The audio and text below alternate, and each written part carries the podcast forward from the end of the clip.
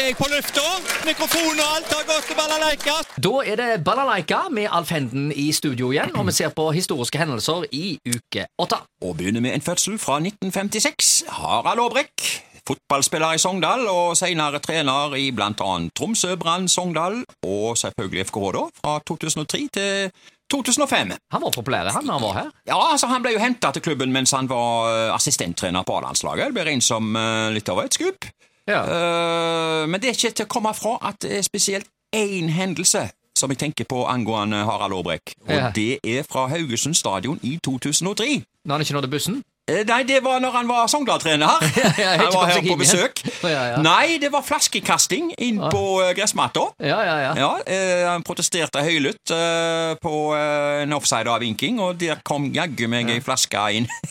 Vet ikke hvor langt den ble kasta. 30-40 meter? Jeg traff ingen i knolten. Nei, jeg gjorde ikke det. da Nei, nei, nei. Fikk en karantene på det. Men, men, apropos trenere, eh, det er vel ingen som noen gang har vært mer populære enn Conny, da, tenker jeg.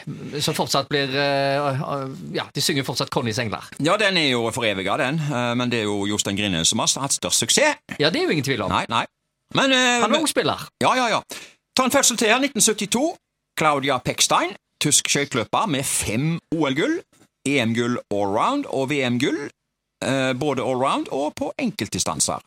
Nå følger fyller hun altså 50 år og er med i sitt åttende OL, og ja, utrolig nok, hun har vært med i år òg. Og eh, allerede i 1992 så fikk hun bronse på 5000 meter, og helt utrolig at hun deltar i OL 30 år senere, altså. Ja, Helt utrolig. Det er en prestasjon. Det er det. Ja.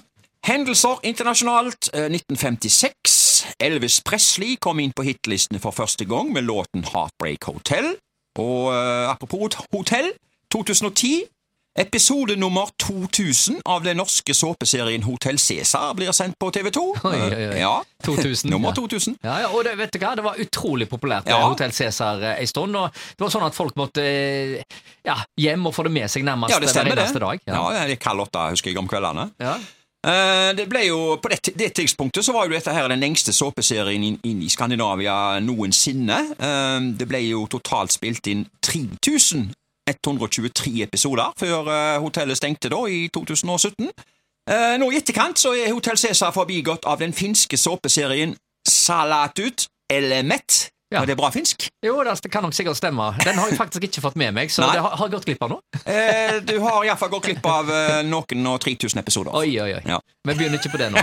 Nei, begynner ikke på det nå. Da må vi først lære oss mer finsk òg. Ja, Yksi, kaksi, kolma. Jeg tror det er ganske mye opptak inni en sauna der, tror du ikke det? Og inni en skog. Og, Og litt, det er sikkert noe brennevin involvert. Ja, litt, litt eh, drap og litt Ja, ja. Ja, ja, ja. Eh, hendelser lokalt. Kino i uke 8, 1984 denne gangen, på Edda, gikk filmen Spaneren, en spenningsfilm med Jean-Paul Belmondo. En voksenfilm da. Så gikk en ungdomsfilm som heter War Games. Mm, det husker jeg faktisk. Ja, og så gikk også en ungdomsfilm, en australsk, som heter Sjørøverne kommer. Hei, ja. Uh, en film som heter Alle sjanser gikk. Det var jo en voksenfilm da, med James Brolin og Anthony Quinn i hovedrolla. Og så tenker jeg vi ender på Nachino her. En voksenfilm for eh, 18-årsgrensa, da. Storbijungel. nå var det mange som gikk på. Det husker jeg. Og Da skal vi se videre på uh, hendelser lokalt. Eh, 1936. Verdens lengste mann. Å, Ja, Haugesunds Avis hadde oppslag om uh, verdens lengste mann da. De skrev Verdens lengste mann, islendingen Johan Petursson, er for tiden i Haugesund. Petursson er 2,67 meter. Den 22-årige kjempe kan tas nærmere i øyesyn i totalen fra i dag. Her sto det utstilling. Ja, den her da, som altså står på trykk i uh, Tor Inge Vormedals Kim Kakor-bok, den, eh, da blir eh, islendingen omtalt som en verdensattraksjon. Uh, og det var lagt opp til flere forestillinger i totalen, og det blir utlova en dusør på 5000 kroner til den som kan bevise at det lever et menneske av samme størrelse. Å, jeg ser det. Ja, ja.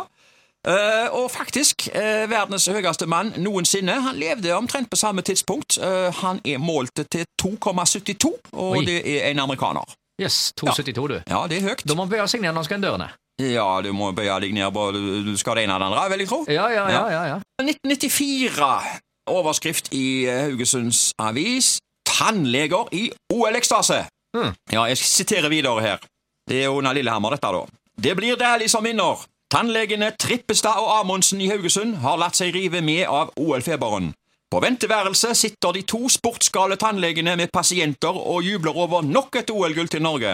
Med gamle ski TV, norske flagg og egen seierspalle har de omformet venteværelset til litt av et OL-rom.